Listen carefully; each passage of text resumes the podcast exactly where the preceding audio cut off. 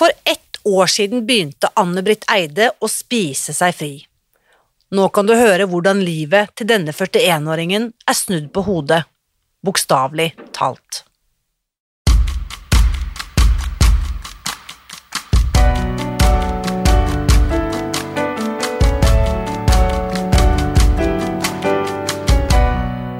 Mitt navn er Irina Lie.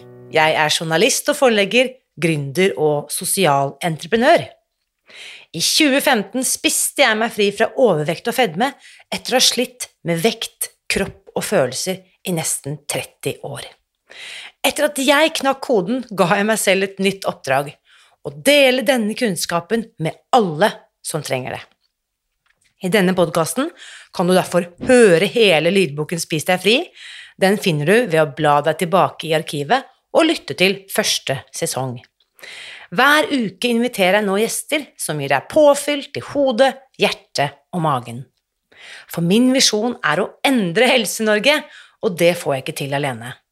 Du bidrar ved å abonnere på podkasten, skrive en omtale i iTunes og tipse meg om hvem jeg burde invitere hit. Da setter vi i gang med ukens episode. Anne-Britt var bare 17 år gammel da hun fikk påvist en alvorlig revmatisk lidelse. Sykdommen har begrenset henne i store deler av livet, og smertene har til tider vært uutholdelige. For ett år siden kunne hun bare gå 50 meter før hun måtte ta en pause. Det ville du ikke ha trodd hvis du møtte henne i dag.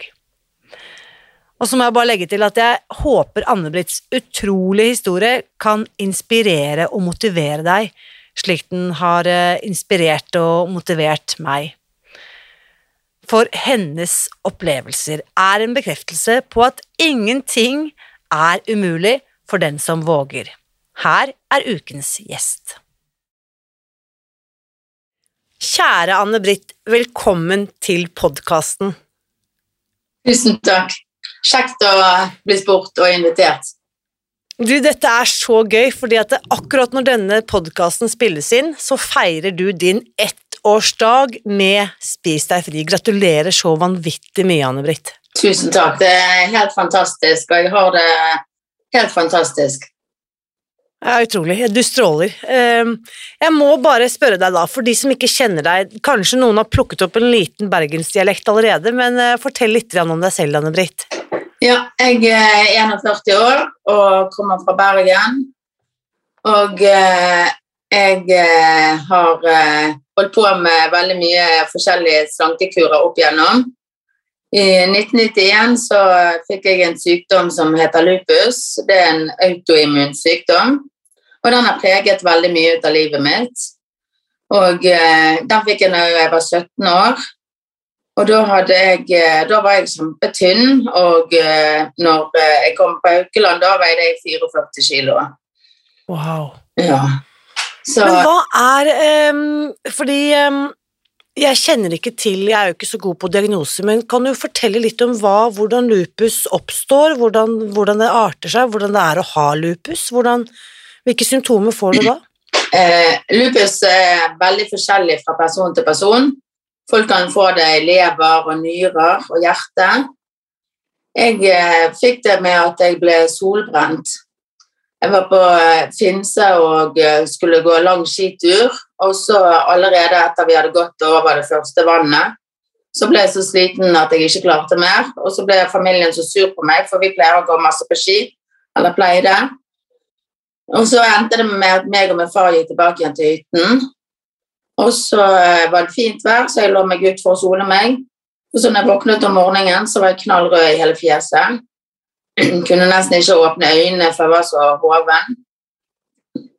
Og så trodde vi at det var bare annengrads solforforbrenning, så derfor så eh, eh, når vi kom hjem, så gikk vi til legen og fikk noen salver og sånt, og så ble det blemmer i fjeset. Og så utviklet det seg et sånt sommerfuglutslett med rødt i kinnene og på nesen, som er liksom en betegnelse for lupus. da. Lupus betyr ulv, da, så det er ulvene i fjeset så har de liksom en sånn, de røde kinnene altså på nesen. Og så etter hvert så ble det bare så galt at jeg ikke klarte å reise meg opp av sengen. og der jeg ble rett og slett betent i alle muskler ledd i kroppen. Jeg klarte ikke å gå i trapper eller noen ting. Men jeg var såpass dårlig da at jeg fikk diagnosen etter syv uker. Men som ofte så kan det ta opptil syv år å stille diagnosen, for den er så uspesifikk. Og det er så vanskelig. Du skal liksom ta så masse prøver, og det er tolv kriterier som skal stemme for om det er lupus eller ikke. Og eh, det ligner veldig mye på MS. Og det er, det er hovedbetegnelsen at det er betennelse i alle muskler og ledd i kroppen. da. Men det høres nesten ut som om kroppen på en måte angriper seg selv? Ja, man gjør det. Ja. ja. Og det er veldig, veldig mange av de som Eller man lurer på om de har fått lupus, så lurer man på om de har fått MS. For det er så mye som er likt med MS. Ja. Og da blir jeg nysgjerrig på, er dette øh, Skal jeg nå være redd for å sole meg, eller er dette noe som er medfødt, eller er det genetisk? Har det ligget og slumret og så blitt plutselig utløst da når du er 17 år, eller hvordan vet man noe om det? Nei, det er ikke genetisk. Det, vi har ikke funnet noe som gjør, sier at det er arvelig. Det er tatt masse forskning på det. Sant. Men og veldig mange lupuspasienter tåler ikke sol. De må være forsiktige å sole seg, og de tåler ikke lys i det hele tatt og går med UV-klær og sånn. Men så galt er ikke det for meg, da. Men det er sånn at jeg smører meg med 50 pluss og ikke kan være lenge ute i solen, liksom. Og hvis jeg er for mye ute i solen, så blir jeg solbrent med dette sommerfuglutslettet. Og så hvis du eh, får litt sånn eh, bivirkninger, at du får feber hvis du er for lenge ute i solen. Ja, så det er jeg ikke. Ja. Og du tar på deg hatt og beskytter deg mot solen. Men mange av pasientene tåler sol, men de har jo sånne behandlingsreiser og sånt. da. Og da er liksom lupus utelatt fra de behandlingsreisene fordi det er liksom at vi ikke tåler sol. Men flesteparten tåler sol, så Ja, nettopp. Så dette, når du får dette første anfallet, da, eh, eh, i en alder av 17 år, er det Vet du da at det er første gang, eller kan du huske hendelser fra tidligere i barndommen hvor det sannsynligvis allerede meldte seg noen symptomer tidligere? Ingenting. Har du hatt noe antydning eller noe? Og ingen i familien som har leddgikt eller noen ting. Så det kom liksom bare sånn helt plutselig, men det har jo lagt latent i kroppen. Så en eller annen gang ville det slått ut uansett. Ja, vet, eh, Har forskerne eller legene sagt noe om hvorfor dette skjer akkurat da? Nei, men eh, som sagt så er det jo Så tåler man jo Eller så er jo sol en påvirkningsfaktor. Og jeg ble mm. Jeg lå litt for lenge, liksom. Men altså Jeg har jo gjort det før uten at det har skjedd, så eh, vi var jo veldig mye til Syden når vi var liten, og reiste liksom hver eneste sommer, og det var aldri noe antydning til det da. Nei, ikke sant. Så ok, så eh, på grunn av denne, at de slår fast at det er lupus, så blir jo du da også medlem i eh, Norsk Revmatikerforbund, som på en måte det inngår som en av de sykdommene som dekkes av den paraplyen revmatiske sykdommer eller lidelser. Ja, det stemmer. Så for her begynner vi da å nøste oss frem til eh, eh, ja, du, altså, du, kan jo fortelle litt mer om på en måte voksenlivet ditt da med, med denne diagnosen. Hvordan, hvordan begrenser den deg? Altså, hva, hvilke hensyn må du ta med tanke på at du har da denne lupusdiagnosen? Nei, På grunn av den så har jeg jo operert hoftene to ganger. Det vil si at jeg har ny hofteprotese i hver av de, og så har jeg tatt ny operasjon på den andre en gang til. Så to på den ene og én på den andre med hofteproteser. Og så har jeg tatt så mange operasjoner på andre ting opp gjennom livet at jeg har fått noe som heter røykebein. Og jeg har ikke røykt, men det er altså dårlig blodsirkulasjon i beina, i leggene.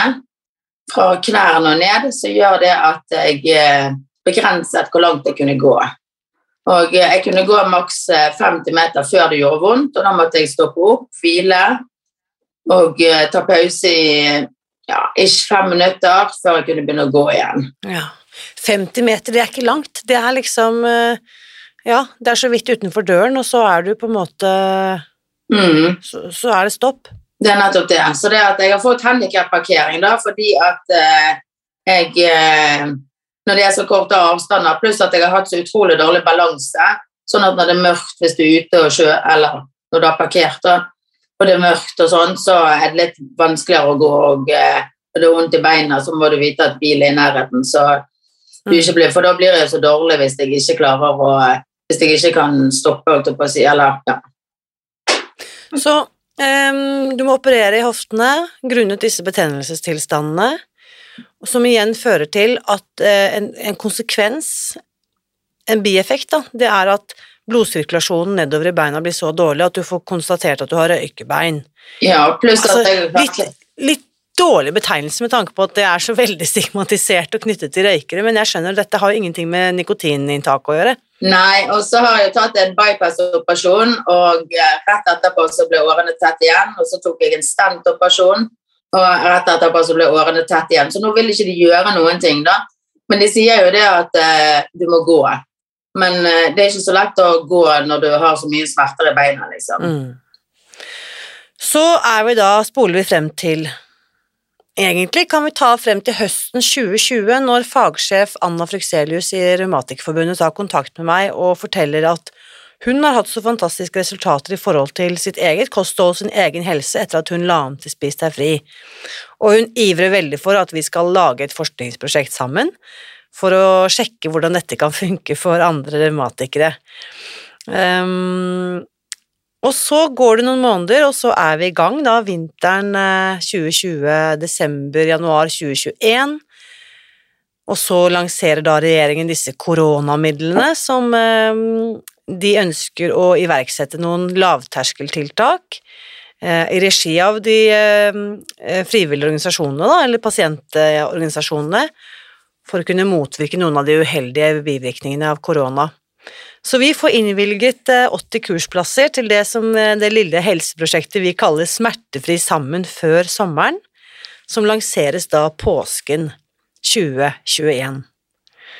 Og um, dette tilbudet går da i første omgang uh, til de såkalte likepersonene i uh, NRF, Norsk Revmatikerforbund. Kan vi ikke bare først stoppe litt der? Hva er en likeperson, Anne-Britt? Likeperson, det ligger jo i ordet like hjelper like.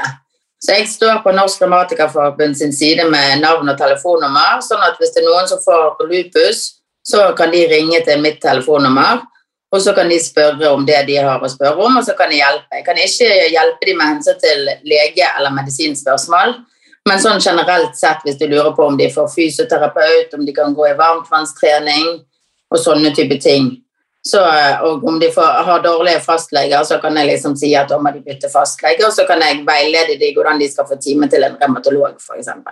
Ja, og at du bare rett og slett deler veldig praktiske og håndgripelige tips fra din hverdag, hvordan du løser livet ditt og hverdagen din til tross for denne diagnosen. Mm. Altså, det er jo musikk i mine ører, du vet jo på en måte hvor viktig jeg er, hvor viktig jeg synes det er med denne kollektive kunnskapsdelingen, så jeg vil bare rope et høyt hurra for likepersoner i eh, NRF og alle andre frivillige organisasjoner, fordi den kunnskapsdelingen som skjer mellom person til person, eh, ikke liksom fra lege til pasient, men oss pasienter eller oss likepersoner eller oss mennesker imellom, den har jo jeg veldig, veldig tro på. Så fantastisk at du gjør det også, Anne-Britt. Så da kommer dette tilbudet til dere som er likepersoner i NRF. Hadde du hørt om Spis deg fri forut for det lille helseprosjektet? Hadde du, hadde du noen kjennskap til det? Aldri hørt om det. Jeg hadde ikke peiling på hva det var for noe i det hele tatt. Så hva tenker du da når, når du mottar Nei, denne mailen med først- invitasjon til dette prosjektet? Nei, først tenkte jeg litt sånn frem og tilbake, for det at jeg hadde jo prøvd diverse slankegreier før, sant? og eh, 5-2-dietten der du skulle faste så og så lenge, og Fedon var jeg innom, og han der Tor Fosseid var innom, og lavkarbo var det siste jeg var innom, liksom. Og da fikk jeg jo bare beskjed om at jeg måtte jo bare slutte med med en gang, for det gikk jo utover så mye av medisiner og det som er brukt og lupus generelt. Da. Så det, jeg var jo litt skeptisk, da. Men samtidig så var det jo det at eh, det var Norsk Amatikerforbund som arrangerte det. Og da var det også det var litt mer sånn støtte i det, på en måte. Mm. At det ble liksom eh, litt mer sånn seriøst. Men samtidig så var det midt i påsken.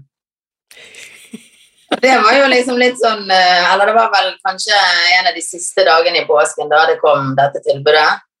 Så det var jo liksom sånn eh, Ja, skal, skal ikke, liksom. Men Ja. da sa jeg min, Jeg har en søster da som er sånn eh, sjokoliker, rett og slett. Så elsker sjokolade. Så hun sa det at eh, hun skulle slutte å spise sjokolade i ti uker. Hvis jeg meldte meg på dette kostholdet, så skulle hun være med og støtte meg. Wow. Snakk om å ha lokal heiagjeng, da. Fy fara, for en søster. Ja. Så hva, husker du hva, hva den største motstanden var for, for din del? Hva var det som du tenkte at jeg er usikker på dette? Nei, det var jo egentlig ikke det at jeg ikke skulle spise sukker sånn sett, for det at eh, jeg har aldri vært sånn voldsomt Jo da, jeg liker jo sjokolade, men jeg har aldri vært sånn voldsomt på det, liksom. Men det var vel gjerne det at jeg bare skulle spise tre måltider, da, for det at jeg har jo det siste eh, på eh, det siste kurset jeg gikk på, på sånn slanking, der var man så opptatt av at vi måtte spise mellommåltider hele tiden. Ja. Og det kunne jo jeg ikke spise. Og eh, det at det var liksom så Følte liksom det første at det var så strengt med de fire linjene, liksom, at ikke du kunne spise knekkebrød. da. Jeg har ikke spist noe særlig brød heller, for så vidt. Men jeg er veldig glad i knekkebrød, da. Så det var vel egentlig bare det at jeg tenkte at eh, nei, gud, det går jo ikke, for det ikke kan gjøre sånn, ikke kan gjøre sånn. Og, ja. Så det var litt sånn skeptisk egentlig rundt konseptet, da. Og det at jeg følte at det var veldig strengt. Mm. Fordi dette her elsker jeg jo, den sunne skepsisen og akkurat de spørsmålene du stiller deg selv da. Er dette for meg? Dette tenker jeg kanskje er noe av det viktigste vi gjør, så ikke vi bare hopper på noe. Vi vet jo aldri om det passer før det begynner. Så de fire linjene, det er jo? Linje én at vi skal unngå sukker. Allerede der er det folk som sier det er helt uaktuelt, i hvert fall ikke i påsken. og, så, og linje nummer to unngå mel, og veldig mange lurer på hvorfor skal vi unngå mel? Og det er rett og slett så enkelt som at idet du har spist melet, så omdannes dette melet til sukker i kroppen. Og jeg vil tippe at veldig mange som har forsøkt å kutte ut sukker tidligere, plutselig oppdager at de spiser veldig mye mer knekkebrød, spiser veldig mye mer rundstykker og brød, boller, hvetebakst, selv om ikke de nødvendigvis er så søte ting, fordi kroppen vil alltid gå etter erstatninger for det den ikke kan få. Så får ikke jeg sukker, så går jeg etter det nest beste, som er hvetemel, eller mel, da. Så det er grunnen til at vi også kutter ut mel, for det blir faktisk omdannet til sukker i kroppen. Og så er det denne tredjelinjen som du også kikket på, det er jo det at vi bare spiser tre måltider om dagen, som jo er helt totalt forvirrende for alle oss som har en lang, lang slankehistorikk bak oss, hvor vi har spist både mellommåltider og ko kosemerker og kveldsmat og ikke sant, klokken to, litt sulten, dette her er produktet som Tine lanserte, som man skal spise klokken 14, ikke sant, og så ja, du vet, eh, yoghurt etter trening og banan før frokost og alt mulig rart. Alt det kutter vi ut, og så spiser vi da en bestemt mengde til hvert måltid. Nettopp for å sikre oss at vi får i oss nok og variert nok mat til hvert måltid. Og det er jo nesten ikke å fatte hvor altså i gåseøyne spiseforstyrret vi er, da, når vi, når vi tenker hva storsamfunnet regner som et måltid. Vi ville jo aldri ha regnet det som et måltid. Vi, jo, vi er ganske storspiste. altså Vi skal ha grønnsaker, vi skal ha frukt, vi skal ha fett, vi skal ha protein, vi skal ha korn til enkelte måltider. Så den sammensetningen også sånn at vi skal få i oss nok mat.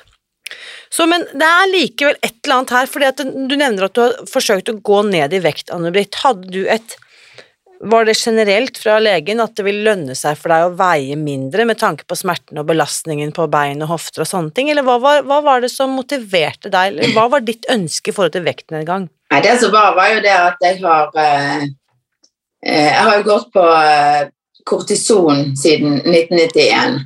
Og kortison gjør jo sånn at du får en slags gravidmage. Sånn, Så det at, eh, og den vil jo aldri gå vekk, da. Men eh, hovedgrunnen var jo det at jeg hadde lyst til å få mindre mage, egentlig.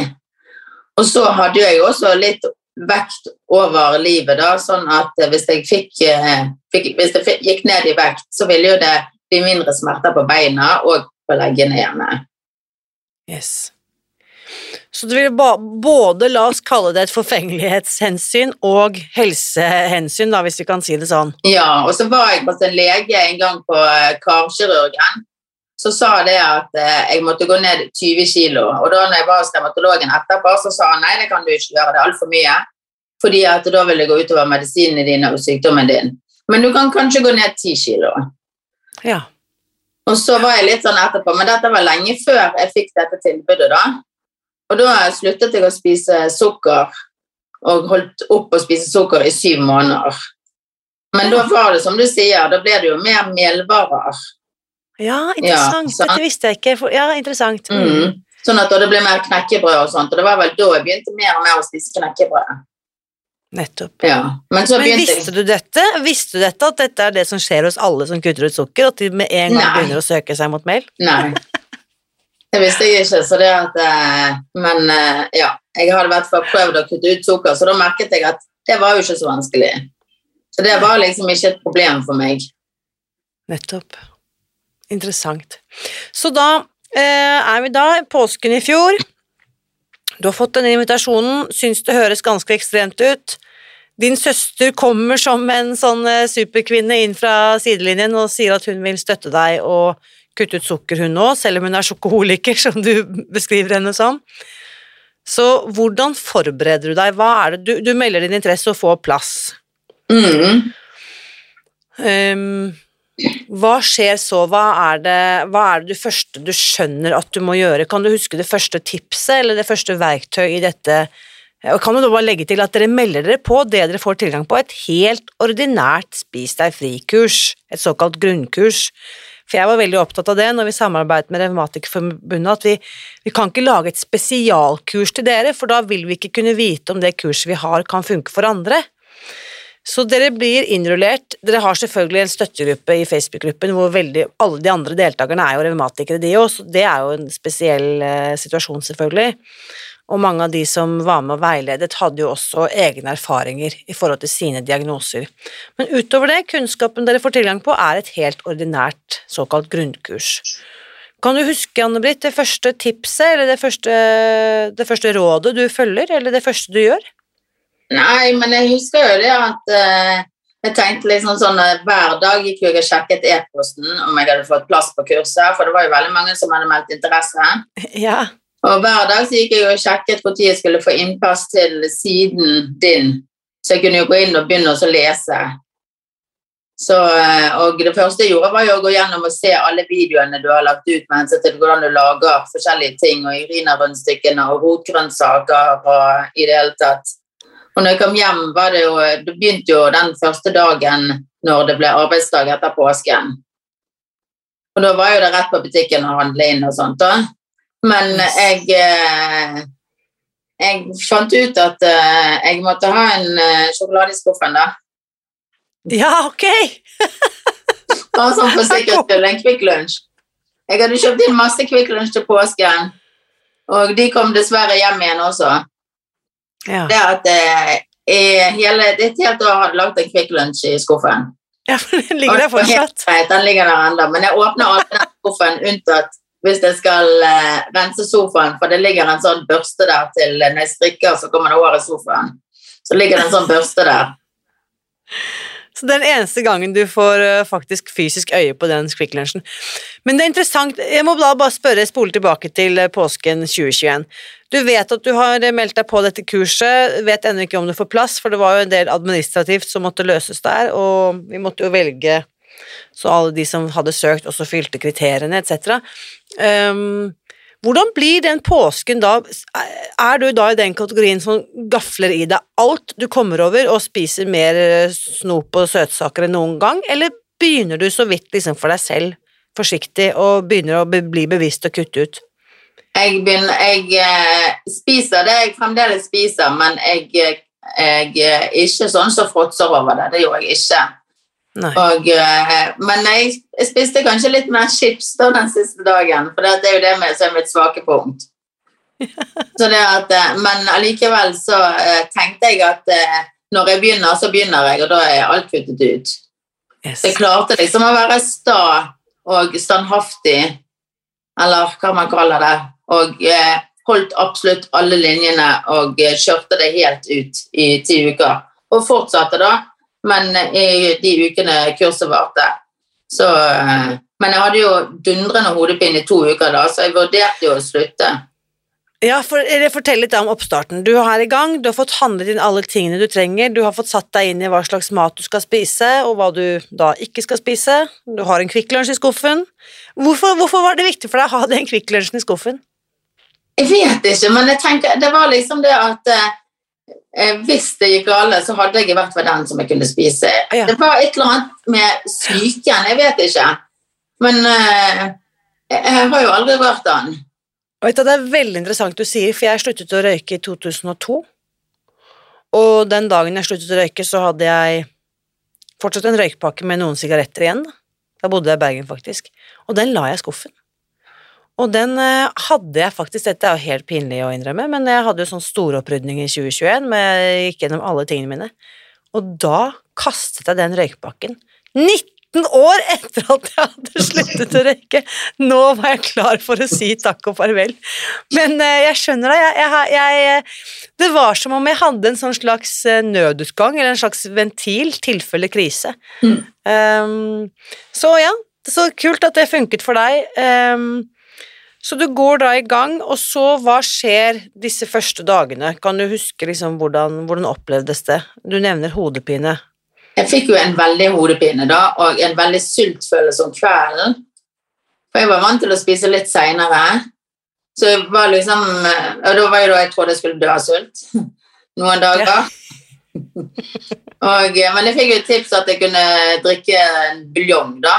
Så det brukte jeg litt, da.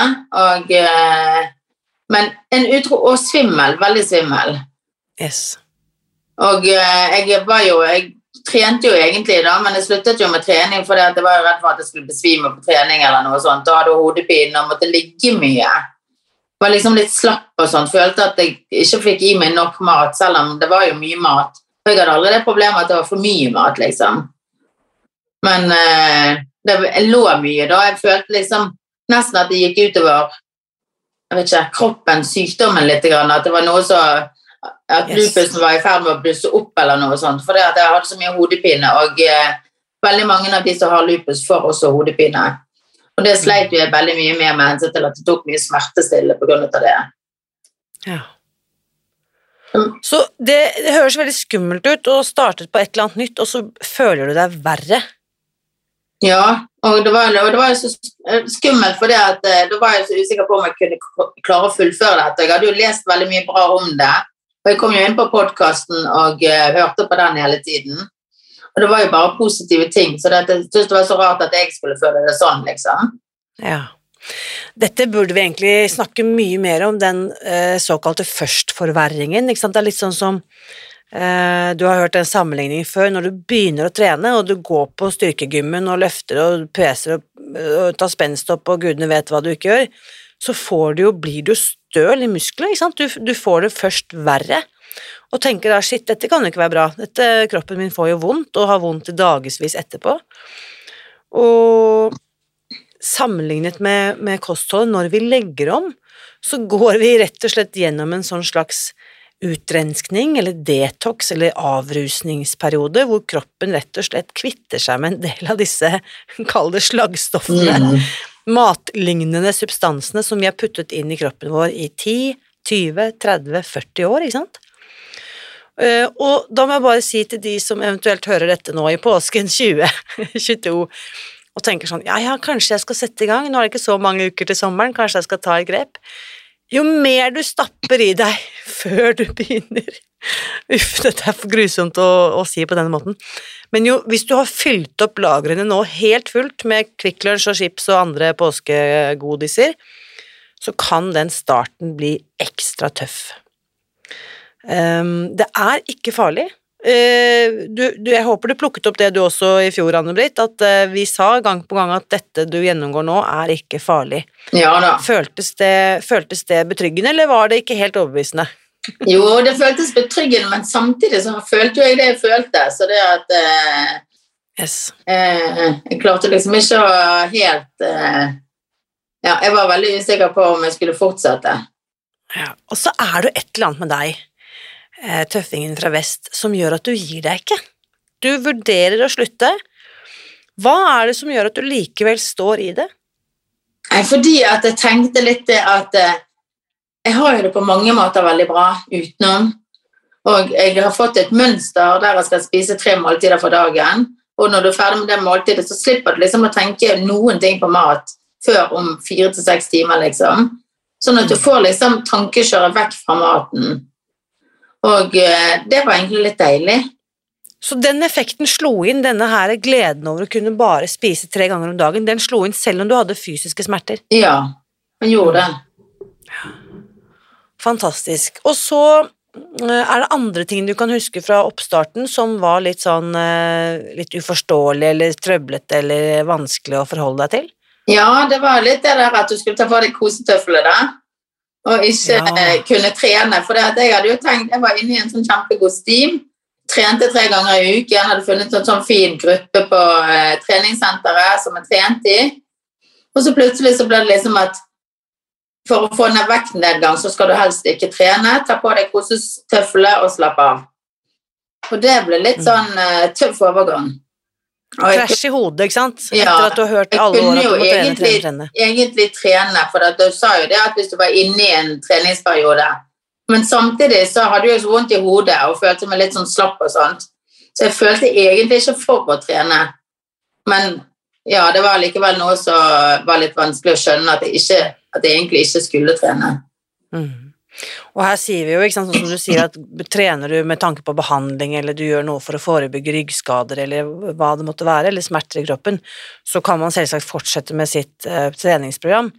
Men de av oss som har gått til treningsstudio ene og alene med tanke på å gå ned i vekt, eller gjøre et eller annet forandre kroppen, eh, alle de som har den innstillingen til treningen, der råder vi helt soleklart ta deg en ikke ta deg en bolle, men ta deg en pause. ta deg en pause, ta en pause fra treningen. Fokuser nå alle krefter og all viljestyrke og all disiplin på å gjøre maten. Og så kan man returnere til treningssenteret når man er klar for å trene for å ta vare på helsen. Jeg skulle så ønske at vi kunne slutte å snakke om trening som eh, en aktivitet for å fremme vektnedgang, for det har ingenting med vektnedgang å gjøre. Trening gjør vi av alle andre grunner, eh, bortsett fra vekt. Så jeg er jo stor tilhenger av trening, jeg trener selv og eh, tenker at det er noe av det viktigste vi gjør for å ta godt vare på oss selv. Men jeg trener aldri lenger for å, for å gå ned i vekt, da, sånn som jeg gjorde før. Så du tar på deg kosetøflene litt motvillig, skjønner at du er nødt til å hvile, for du er sliten og har vondt i hodet. Hva skjer så utover i, i kurset, hvordan endrer dette seg? Nei, Eh, Hodepinen går jo bare plutselig vekk, og ikke er jeg sulten eller noen ting. Og jeg får det jeg trenger, jeg får de næringsstoffene jeg trenger. Jeg eh, blir i bedre humør. Livet blir mye lettere, rett og slett.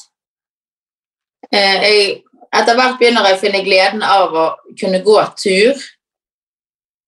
Og, men jeg går jo ikke så veldig langt, da, for det at jeg jeg merker jo allikevel at jeg er litt sliten og sånt, og det tar liksom litt Hodepinen gikk vel vekk sånn cirka etter to uker. Men jeg var fremdeles litt sliten og trøtt, liksom. Så eh, Men eh, jeg blir jo lettere i kroppen og går ned eh, kiloer, og det var jo det som var planen. mhm. På dette tidspunktet, hvordan går det med søsteren din og hennes eh, solidariske sjokostopp? Nei, hun ringer eh, litt før det er gått ti uker og spør hvor langt det er igjen. Men hun har holdt seg, altså? Hun, Hun har holdt seg. Hun holdt seg i ti uker, men Wow. eh, begynte nok i uken etter på å spise Ja, ja. sjokolade igjen. Men hun holdt hun- seg hun- like lenge. Hun holdt løftet sitt. Eh, hvordan opplevde jeg bare nysgjerrig nå, hvordan, hvordan opplevde hun sin eh, frivillige, skråstrek ufrivillige sjokostopp?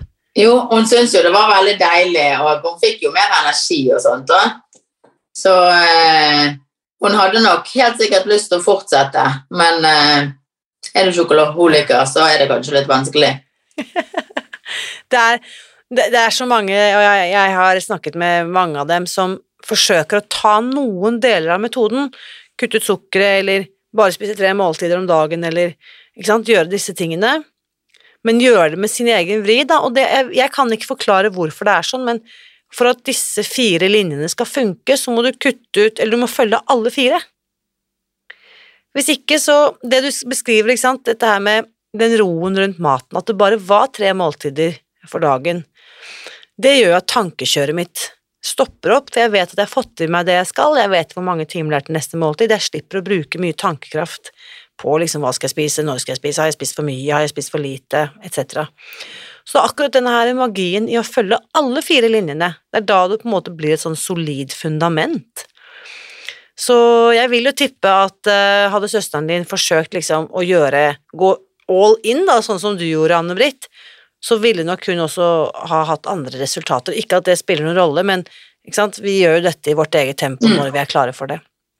Men jeg syns i hvert fall at det var kjempesjarmerende og inspirerende at hun så gjerne vil at du skal lykkes, og at hun på en måte ofret sin egen Absolutt, og det hjalp jo litt for meg også, at jeg følte liksom jeg hadde en støtte i henne, og hun var veldig sånn ringte til meg og spurte hvordan det gikk, og hvis jeg sa at da kunne jeg tenkt meg en bolle eller en sjokolade eller noen ting sånt Hei, det kan du ikke. Som var liksom en slags buddy for meg. Ja. ja. Si litt mer om det, den sosiale støtten underveis, fordi du var jo også med i denne Facebook-gruppen som følger med, med kurset du var med på. Kunne du si litt om eh, hvordan var det for deg, den, eh, det sosiale aspektet, dette fellesskapet? Det var jo helt fantastisk. Det var jo en av de viktigste tingene, tenker jeg. Ja. Få den støtten, få den hjelpen når du lurte på noen ting.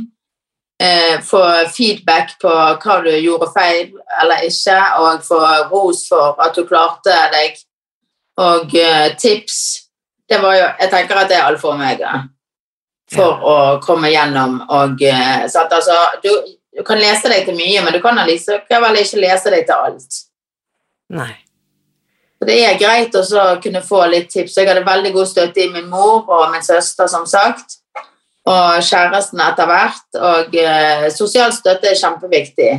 Og det at du kan spørre andre og få råd og vink og eh, ja, det er også kjempeviktig. Så den Facebook-gruppen er alfa og omega. Yes. Og så tenker jeg, jeg kan bare forestille meg at siden du da har denne alvorlige sykdommen med deg i bagasjen, ikke sant, og vite da at der inne i den gruppen så var det andre personer som også hadde enten tilsvarende diagnoser eller andre alvorlige revmatiske lidelser. Vi, vi, vi var der jo, vi så det jo, det var jo helt utrolig de til tross for disse hva skal vi si, begrensningene i livet sitt, så var det jo mange som hadde helt fantastiske resultater. Jeg vil jo tippe at det inspirerte og motiverte hverandre underveis. Absolutt, det gjorde det jo. Og så at andre gikk ned, og andre fikk det til, og så eh, vil jo du eh, prøve å få det til, du også, selvfølgelig. Mm. Så hva skjer da i løpet av de ti ukene? Hvordan eh, vil du beskrive f.eks. dette med smerteopplevelse? Hvordan endrer det seg fra oppstarten din da rett over påske i fjor til da frem mot sommeren. Hvordan vil du beskrive den utviklingen? I løpet av de ti ukene så tok jeg ikke en eneste smertestillende. Wow. Mm -hmm. Jeg sto i hodepinen, og, for jeg følte jo liksom at hodepinen var litt annerledes enn han har vært tidligere. Og jeg ble jo lettere, og kroppen ble lettere. Og eh, jeg hadde mye mindre vondt i kroppen generelt sett. Så eh, jeg, jeg, har jo fått et nytt liv. Og Utrolig. jeg har tatt smertestillende i ettertid, men det er på andre ting. Ja. Så i forhold til de eh, tingene du tok smertestillende for før, det, det, gjør du ikke lenger? Nei, ikke på sånn samme måte. Jeg tok veldig ofte, jeg hadde veldig mye hodepine og tok ofte smertestillende for det. Jeg har nesten ikke hodepine lenger. Utrolig. Så det tar jo ikke jeg smertestillende for. Jeg har litt smerter i hoftene innimellom, så det tar jeg av og til smertestillende for. Men i så mye mindre grad enn jeg har gjort tidligere. Og så, Hvis vi bare ser for oss disse første ti ukene, så du tok ikke en eneste smertestillende de ti ukene. Andre ting du kan huske som på en måte hadde endret seg fra oppstart da ved påsketider og frem mot sommeren? Hvor mye gikk du ned på kurset, husker du det? Ja, jeg gikk ned ti kilo ja. på kurset. Og så kom ja. det to og et halvt kilo ned igjen etterpå det. Ja. Og du skulle jo ikke ned så mye mer heller, skulle du vel? Nei, jeg hadde jo fått beskjed om fra legen også at jeg ikke fikk lov å gå ned altfor mye kilo pga. Eh, yes. sykdom. Var det andre ting i forhold til medisinbruk eller andre ting som endret seg i løpet av de ukene for deg? Du har jo oppfølging av lege, vet jeg, så hvordan, eh, hvordan endret dette seg? Ja, blodprøvene ble jo mye bedre. Ja. generelt sett. Så det at, eh, og det skrøt jo fastlegen av veldig. Hun hadde aldri hørt om dette kostholdet. Så jeg ga jo den eh, blå bekka lefsen du Ja, den lille infobrosjyren som vi har laget. Jeg må bare skyte inn her. Hvis du som hører dette er lege, så kan du gå til spisdegfri.no fastlege og legge inn dine kontaktdetaljer, så sender vi deg gratis informasjonsmateriell som du kan lese deg opp på og dele ut til dine pasienter. Og det er egentlig et tilbud til alle helsepersonell som jobber med pasienter med overvekt eller fedme, eller vi må jo selvfølgelig inkludere alle andre pasientgrupper også som kan ha nytte av dette kostholdet. Og også hvis du er personlig trener eller fysioterapeut eller osteopat eller jeg vet ikke hva, hvis du er i noen av de kategoriene og jobber med pasienter som har denne typen lidelser eller utfordringer, så kan du registrere deg på spisdegfri.no fastlege, så sender vi deg disse info, eh, dette infomateriellet, som nå også din fastlege har, Anne-Britt. Ja. Ja. Så hva er det hun sier for noe? Nei, hun sier jo det at eh, blodtrykket er blitt bedre, og eh, prøvene er blitt mye bedre, og eh, dette ser ut som det er et bra kosthold for deg, at hun ser at det funker på meg, så jeg fint kan fortsette. Og ingenting går jo utover sykdom eller noen ting sånn. Sant? Det blir jo lettere i kroppen og eh, får mindre smerter generelt sett.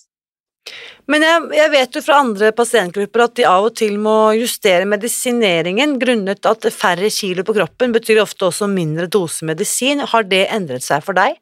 Ja, jeg har gått ned på én ut av de. Så Ja. er det noe som heter plakenil, som er den som er hovedmedisin for lupus. da. Ja. Ja. Så der har du kunnet redusere dosen. Der har jeg kunnet redusere dosen til 200 mg istedenfor 400 mg. Så halvert medisindosen på det viktigste medikamentet du tar. Ja. Og så, men eh, jeg eh, tar fremdeles prednisolon, da, men den eh, skulle vi se på om vi kunne ta vekk, eller eh, Jeg tar bare fem milligram, da, så det er bare en sånn vedlikeholdsdose. Er det den kortisonmedisinen du snakker Ja, om? ja, beklager. Ja. Ja. Ja. Sånn at, at vi kunne gå ned til 2,5 på den. Fantastisk. Dette her må du holde meg oppdatert på, Anne-Britt, for dette syns jeg er bare så ja, helt rått, rett og slett. Jeg blir helt sånn, du vet. Um, når du starter opp, så kan du gå 50 meter. Kan du huske hvordan endrer dette smerteopplevelsene i beina seg? Um, hvordan endrer det seg i løpet av kurset? Uh, ja, jeg kan gå 50 meter før jeg får smerter, og jeg kan gå maks 1 km, og jeg syns ikke det er noe kjekt å gå på tur i det hele tatt. Det er rett og slett en pine å gå på tur. Etter hvert så endrer det seg med at eh, jeg har lyst til å gå på tur. Nå, jeg, nå kan jeg fint gå på både trening og tur på samme dag. Det har jeg aldri kunnet tenkt tanken på å gjøre tidligere. Og nå kan jeg gå i skog og mark uten å bruke staver. Det har jeg brukt tidligere også, for en støtte.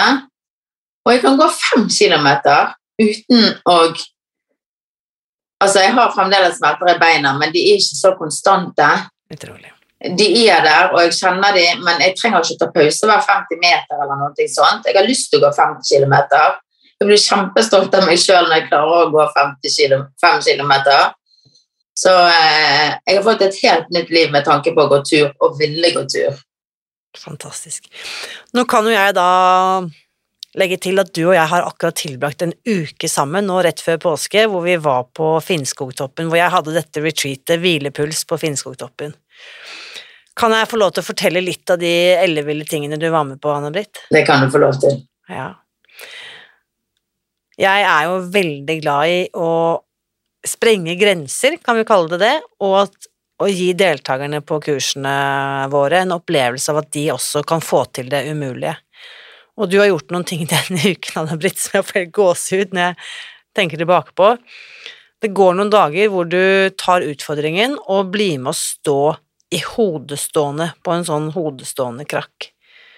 Hvor ofte har du stått, i, stått på hodet i ditt liv, Anne-Britt? Absolutt aldri. Hva er det som skjer med deg når du velger å gjøre dette? Nei, det er jo litt det du sier, å utfordre seg sjøl. Den der stolen sto jo der fremme hver eneste dag. Og hver eneste tenk, dag tenkte jeg er dette noe for meg. Litt sånn kan andre gjøre det, så kan jo kanskje jeg òg gjøre det. Men så satt satte du dine begrensninger med en gang, at du aldri kom til å komme deg opp. At du aldri klarte å sparke fra beina. Og at du aldri klarte å stå der oppe i det hele tatt. Mm. For du var tung i kroppen, eller du var stiv, eller Ja, det kunne nå aldri en klare som hadde lupus, i hvert fall. Nei. Nei, det beviste jo at der tok du grundig feil, for å si det sånn, for du sto jo der i hodestående og ville knapt nok komme ned igjen. og så er du da med den ene kvelden ja, Jeg vet ikke hvor langt det var, men det må ha vært i hvert fall fem kilometer. Du var da med på en kveldstur inn i skogen. Um, nei, det var en dagstur, unnskyld, inn i skogen, uh, hvor det er altså ulendt terreng. Det er is, og det er snø, og det er glatt, og det er traktorspor, og det er ute i utenfor opptråkkede løyper, og det er liksom, ikke sant, ute i, ut i skogen der. Fortell litt om, om den turen, Anne-Britt. Nei, hvis jeg hadde visst at den turen var så lang, så hadde det sikkert ikke gått an. For uh, jeg, det var jo veldig tungt å gå i de traktorsporene. Og jeg hang jo veldig fort litt etter. Og det var litt tempo. Folk liker selvfølgelig å gå litt fortere. Så jeg tenkte jo at jeg kan, kom nå kanskje aldri til å komme opp, og jeg vurderte flere ganger om jeg skulle snu. Så men jeg hadde jo snakket med han som Christer som hadde det, da. Og han hadde jo sagt det at nei da, det er ikke så langt. Det er bare rett opp sånn. En kort tur. Og så når vi var ferdige å gå i den traktorløypen, så skulle vi plutselig gå rett opp. Og da sa han nei, det er bare rett opp denne bakken. Men det var jo det heller ikke. Det var ikke det. Og, eh, men jeg er uendelig glad for at jeg gjorde det. Og jeg kom meg opp, og jeg kom meg hjem igjen. Jeg hadde kjempesmerter i beina når jeg kom hjem igjen, men allikevel så var det en utrolig glede over at jeg hadde klart det. Og når vi gikk ned igjen, så var jeg en av de første som gikk ned igjen. Eh, Jeg husker du gikk side ved side med meg, og jeg gikk ganske langt foran, så Ja. um, og så ser jeg jo at du ikke sant, Dette du beskriver med balansen er ikke på topp, og jeg ser jo på en måte at du har Altså, du konser for å gå på den eh, veien med de veldig dype, ulendte traktorsporene. Og så bare se at eh, du får det til, og hadde du ikke klart det, så vet jeg at du hadde snudd deg mot meg og spurt om hjelp. Og da er det så eh, for meg å se deg gå der, og ikke da rushe frem og si sånn 'Anne-Britt, trenger du hjelp? Skal jeg holde deg i hånden? Skal jeg bære noe for deg? Skal jeg gjøre noe for deg?' Og bare se at du faktisk mestrer dette helt fantastisk, i ditt eget tempo, med din egen kraft. Ja, det er stort. Ah, fantastisk. Og så må vi da bare fortelle om the grand finale, nest siste dag, altså dagen før vi skal reise hjem. Så har jo noen av oss da eh, snakket sammen og funnet ut at vi tar med denne gjengen på isbading på Røgden. Og jeg inviterer jo alle, og du er jo ikke snauere du enn at du sier 'jeg blir med', sier du. Hvor ofte har du isbadet, Anne-Britt? Nei, det har jeg heller aldri gjort. Det, det, det er ikke noe du tenker at Anne-Britt driver med, liksom? Absolutt ikke. Jeg, jo, jeg bader jo ikke om sommeren i norsk, eh, norsk sjø heller. Nei, for det er for kaldt. Ja. Ja, det er for kaldt. Nei, men nå skal vi da, ikke sant, så er vi på dette vannet. Um, Mikael har vært der dagen før og løftet ut en isblokk som er 55, eller tidligere i vinter, og, og løftet opp denne isblokken da, på det som er 55 cm tjukk. De har vært der dagen før og hakket opp isen, som igjen har frosset igjen og blitt 10 cm tykk, så dette er, dette er midtvinters, holdt jeg på å si, kuldemessig. Um, du står på, på snøen og skifter, og så rett og slett går du ned i dette hullet på en sånn vaklevoren eh, stige som står provisorisk satt opp der. Kan du fortelle litt om den opplevelsen, Anne-Britt? Planen var egentlig at jeg ikke skulle bade i det hele tatt. Jeg skulle, eller jeg vet egentlig ikke hva planen var, men jeg tenkte liksom det at jeg tar nå på meg klærne som jeg skal ha, og uh, går ned og ser, så kan jeg se på de andre. Ja. Men så, samtidig så tenker jeg at det hadde jo vært litt gøy å prøve. Og det kan jo være at jeg hadde fått det til. Men så ble jeg jo litt skeptisk etter hvert som de andre gikk ned pga. på grunn av den stien. For jo, de trinnene var jo veldig skeive. Jeg visste jo ikke om hvordan de var, og hvordan, hvor langt ned det var. Og, ja. Så jeg ble veldig usikker og sånt. da. Men så hadde jeg veldig god hjelp og støtte i deg, som sto ved siden av meg tilfeldigvis. Så jeg gikk jo nedi. Og det var jo ikke kaldt, merkelig nok. vi, klart, vi hadde jo lært hvordan vi skulle puste. Så eh, det var en fantastisk opplevelse. Og eh, jeg var ikke av de som svømte eller noen ting sånt, men jeg gikk nå nedi. Sto lenge på stien før jeg gikk nedi, i hvert fall. Og psyket meg sjøl ut litt. Grann, og gikk nedi og tok et halvt tak. Og eh, gikk opp igjen. Og når jeg kom opp igjen, så var jeg helt varm i kroppen. Det var en helt sånn rar Yes. følelse. Fantastisk. Og det å ikke sant, trosse den motstanden og så få den gevinsten etterpå, som det er nesten ikke mulig å beskrive engang. Det gjelder på så mange områder, Anne-Britt, og du har gjort det i forhold til maten, du har gjort det i forhold til sant, dine fysiske utfordringer, og sant, nå som med isbading, som egentlig først og fremst er en mental sperre. Så nei, jeg blir bare så inderlig imponert og stolt og rørt og ja, inspirert av å høre deg fortelle. Takk. Ah, Så nå er vi her da, påsken 2022. Hva vil du Er det andre ting du nå For du har jo selvfølgelig ikke gitt deg til disse ti ukene, du har jo bare fortsatt og fortsatt og har sikkert planer om å fortsette i hvert fall én dag til. Ja, det har jeg. Vi sier jo det, vi gjør dette én dag om gangen. Så hvilke andre resultater har du fått da i løpet av dette året som er gått? Du nevnte vekten en gang, du har gått ned ytterligere et par kilo, to og et halvt kilo, så du er nede i 12-13 kilos vekten en gang nå totalt, Mm. og skal ikke lenger ned i vekt. Nei, nå skal jeg ikke kommet- lenger ned i vekt. Så det er at har jeg fått den. Nå har jeg klart, nå har jeg gått på vedlikehold siden august, og jeg har holdt vekten min eh, stabilt helt siden dess. Fantastisk. Ehm, og så hva, hvilke andre effekter eh, kan du trekke frem nå, som, nå som det har gått ett år? Nei, altså, jeg føler meg mye lettere i kroppen, selvfølgelig. Jeg er mye mer glad. Jeg har fått enorm energi. Jeg har lyst til å gjøre masse ting. Og eh, jeg eh, merker at eh, det er jo utrolig godt fellesskap da, i Facebook-gruppen. Det setter jeg veldig stor pris på. Og det at er livemøter og det hele tatt som du kan delta på, det også gjør jo med å holde alt ved like. Det er så verdifullt, dette fellesskapet. Det tror jeg nesten ikke kan overvurderes. Um, så til de som hører dette, enten de nå har lupus eller ikke, eller andre revmatiske lidelser, eller rett og slett bare er som søsteren din, at de er sjokoholikere, hvilke tips vil du gi til dem, eh, Anne-Britt, denne påsken? Jeg tenker at dette er, er verdt å prøve for alt i verden. Eh, så masse helsegevinster som det gir, så mye lettere kroppen blir. Eh, du får i deg de næringsstoffene du trenger, du får i deg alt du trenger. Eh, det fantastiske fellesskapet som er rundt, den fantastiske hjelpen som du får hele tiden. Eh, Du kan bare rekke opp en hånd, du kan bare skrive inn i gruppen det du har lyst til å få hjelp om, så får du hjelp. Eh, Du kan ringe til folk hvis du ønsker det. Eh, Jeg tenker at alt er verdt et forsøk, og det er verdt å prøve. Og liker du ikke, så kan du bare la være. Fantastisk. Jeg tror de veldig mange av de effektene du innledning, beskrev innledningsvis, både på godt og vondt av både hodepinen og veldig mye av den, eh, de umiddelbare effektene i forhold til liksom roen rundt måltider og sånne ting.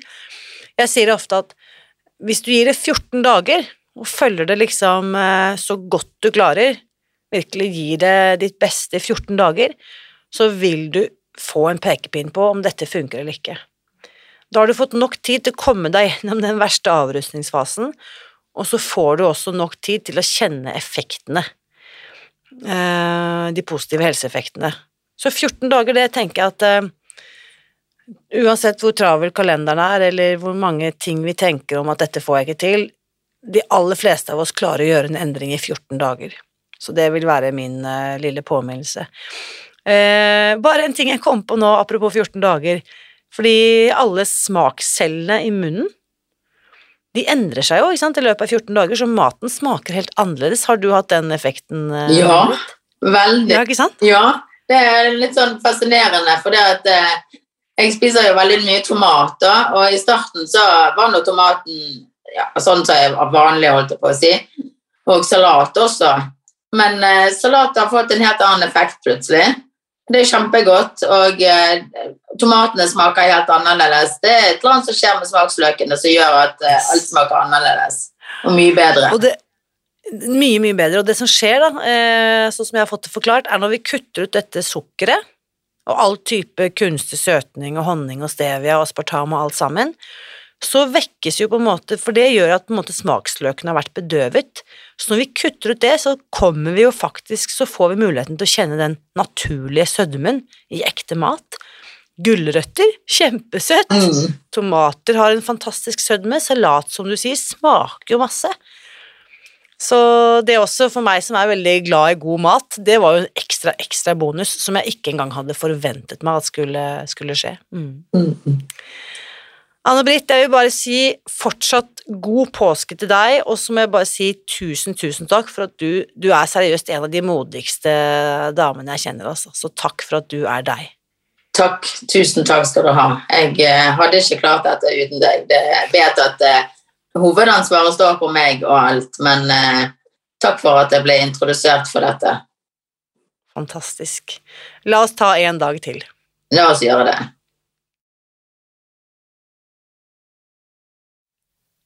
Nå lurer jeg på, hva er din takeaway etter å ha hørt min samtale med Anne-Britt i dag? Bli med inn i den åpne Facebook-gruppen Spis deg fri, og skriv en setning eller to om hva som er det viktigste du tar med deg fra dagens episode. Og, og legg gjerne til noen ord om hva du har lyst til å gjøre etter at du har hørt Anne-Britt fortelle om sine erfaringer. Og hvis du nå er skikkelig motivert til å ta tak, sånn som hun gjorde for ganske nøyaktig ett år siden, og ta tak i din egen helse, så kunne du faktisk ikke ha valgt et bedre tidspunkt. For akkurat i dag, første påskedag, søndag 17. april 2022, så arrangerer jeg et gratis webinar om Spis deg fri, hvor jeg viser og forklarer deg hvordan du kan komme i gang.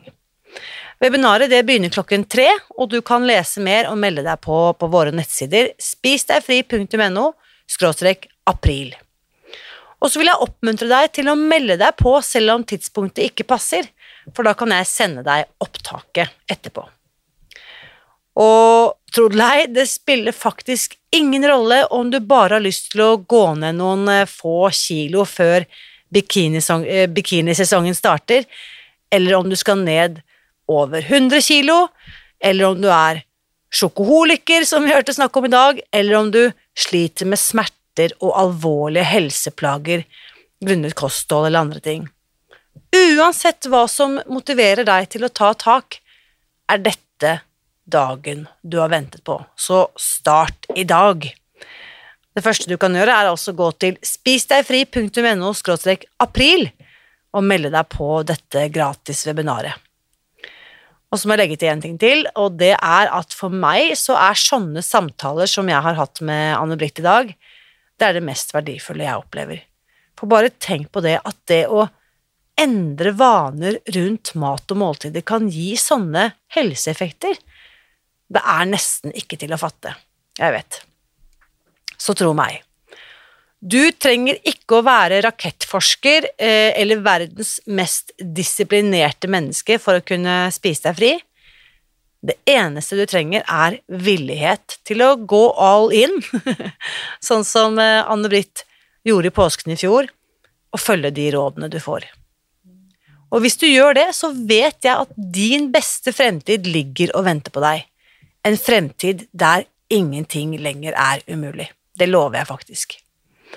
Så du kan altså ta første skritt i dag ved å melde deg på webinaret. Gå til eh, www.spisdegfri.no skråstrek april, og så håper jeg vi ses.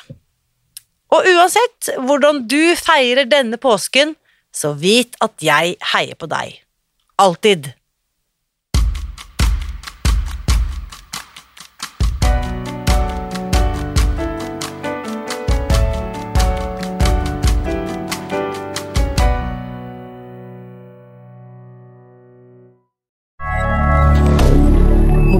rien.